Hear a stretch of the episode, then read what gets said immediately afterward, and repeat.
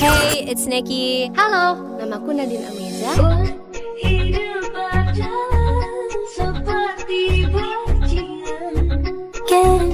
What's up, guys? I'm Justin Bieber.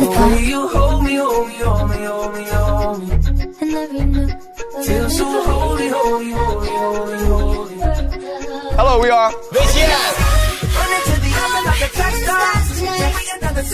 Hey, I'm Demi Lovato and I'm hanging out with Carly Rae Jepsen. It's okay not to feel okay.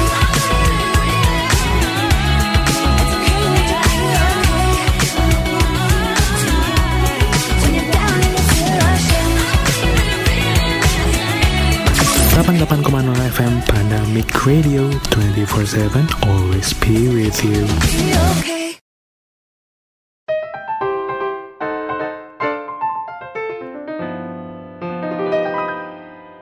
Magazin, Pendazin. Panda mit Magazin. Pandasin, Panda mit Magazin. Pandazin, Pandazin, Panda mit Magazin. 88,0 FM Pandemic Radio 24/7 always be with you. Halo survivors, balik lagi bersama gue Raisa yang bakalan ditemenin sama Valentina dalam program Pandezin. Halo survivors, gimana keadaan kalian hari ini? Masih kuat nggak puasanya? Udah jalan seminggu nih, nggak kerasa ya puasa tinggal tiga minggu lagi menuju lebaran. Hmm, buat kalian yang udah nggak kuat, kuat-kuatin ya puasanya biar dapat pahalanya full. Nanti bonusnya dapet THR. Mohon maaf bunda, tiga minggu lagi terhitung masih lama ya. Nanti kalau gue lebaran nih, bisa kali ya kirim-kirim THR-nya. Boleh, boleh. Soal THR mah gampang. Oh iya, Sa. Lu kalau lagi nungguin buka puasa, biasanya ngabuburitnya ngapain sih? Mau tahu dong. Hmm, biasanya sih ya, gue tuh suka banget dengerin lagu buat nungguin buka puasa.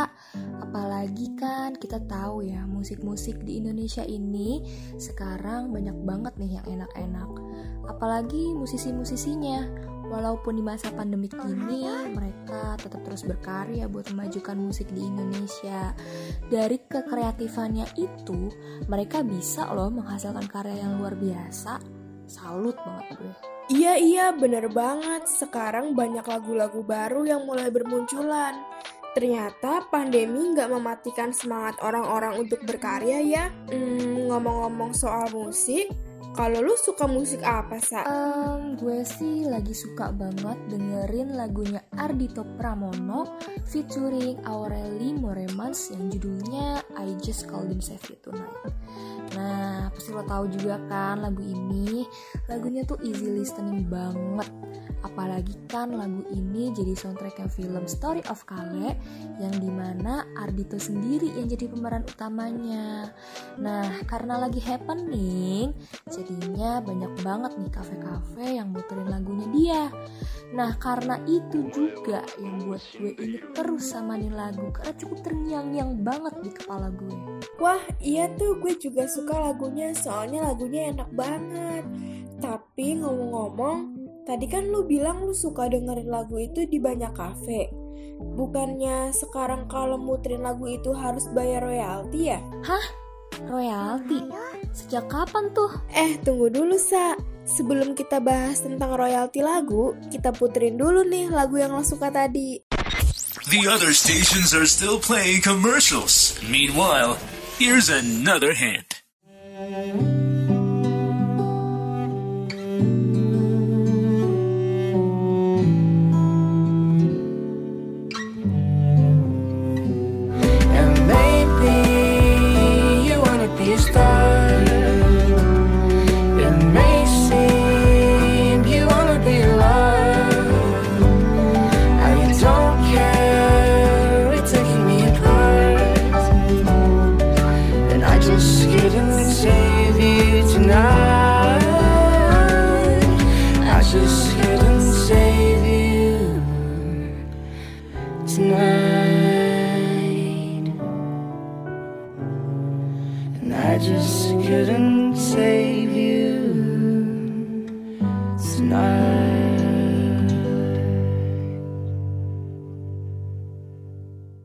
Duh, candu banget nih lagunya. Jadi kepengen dengerin terus.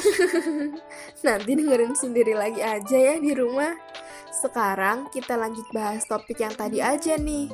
Survivors tahu nggak sih sekarang tuh di Indonesia sudah diperlakukan royalti untuk setiap pemutaran lagu Indonesia. Iya nih, akhirnya setelah diperjuangkan sekian tahun, aturan ini disahkan juga. Eh, tapi lo masih bingung gak sih sama peraturannya? Sini-sini biar gue kasih tahu. Menurut artikel yang gue baca dari CNBC Indonesia, pemerintah resmi mengatur royalti hak cipta lagu dan musisi. Sehingga kafe, restoran, hingga tempat retail yang akan memutarkan musik wajib menyetor bayaran. Dan peraturan perundang-undangan ini sudah ditandatangani loh oleh Presiden Bapak Joko Widodo pada tanggal 31 Maret 2021 kemarin. Nah, untuk tarif royalti itu ternyata berbeda-beda. Untuk bidang usaha jasa kuliner seperti restoran dan kafe dikenakan biaya 60.000. Bidang usaha jasa kuliner bermusik 180.000 dan bidang usaha diskotik dan klub malam sebesar 250.000. Tapi nggak hanya itu aja, mall dan pusat perbelanjaan juga termasuk di dalamnya. Oh, seperti itu. Berarti kita nggak bisa dong sembarangan buat puterin lagu di mana aja. Your music, your request.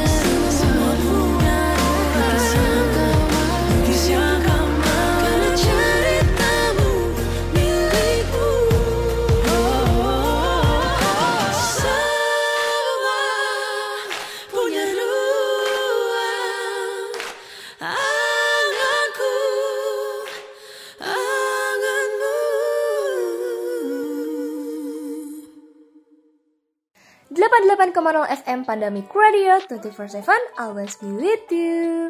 Halo survivors, balik lagi nih masih bersama gue Raisa dan Valentina dalam program Pandezin. Nah, buat survivors yang baru gabung, kita lagi ngebahas tentang royalti musik di Indonesia nih. Nah, ngomong-ngomong tentang royalti musik di Indonesia, pasti masih banyak dari survivors yang masih bingung tentang fungsi dari royalti ini. Oke, coba Valen, kira-kira fungsinya apa sih? Nah, gue bantu jelasin ya. Jadi, fungsi dari peraturan ini untuk memberikan perlindungan dan kepastian hukum terhadap pencipta, pemegang hak cipta, dan pemilik hak terkait hak ekonomi atas lagu atau musik, serta setiap orang yang melakukan penggunaan secara komersial terhadap lagu atau musik.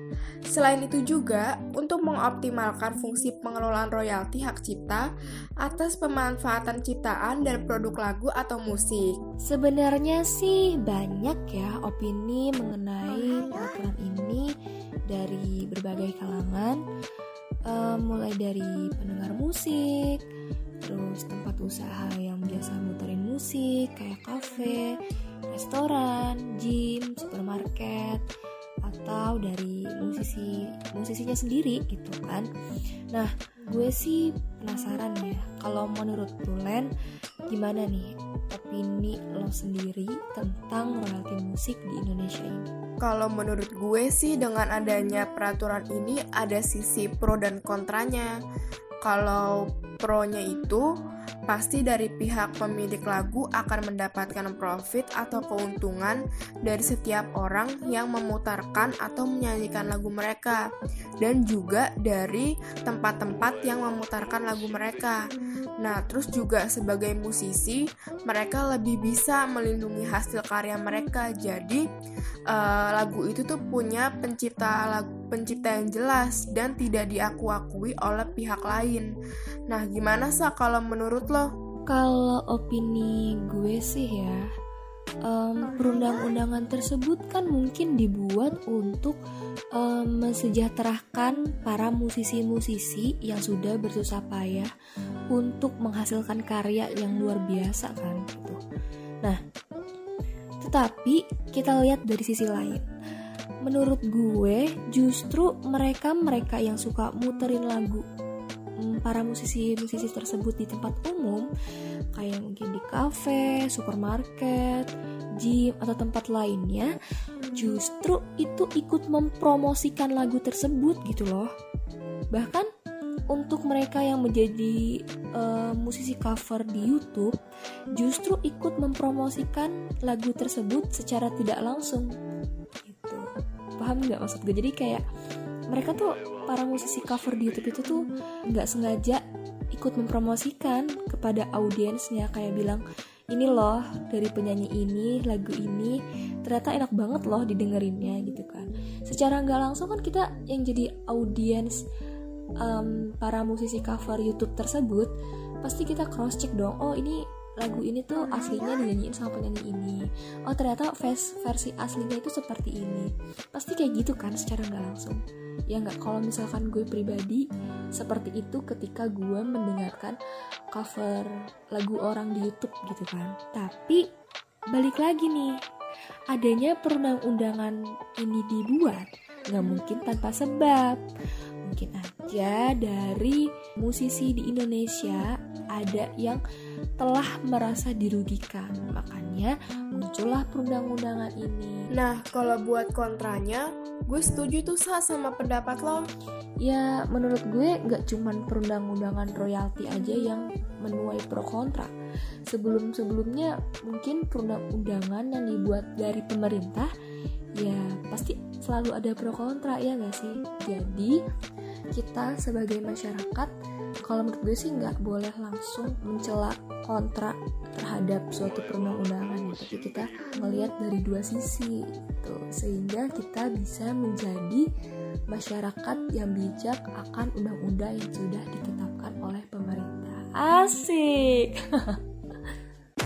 The hits just keep on coming. Everything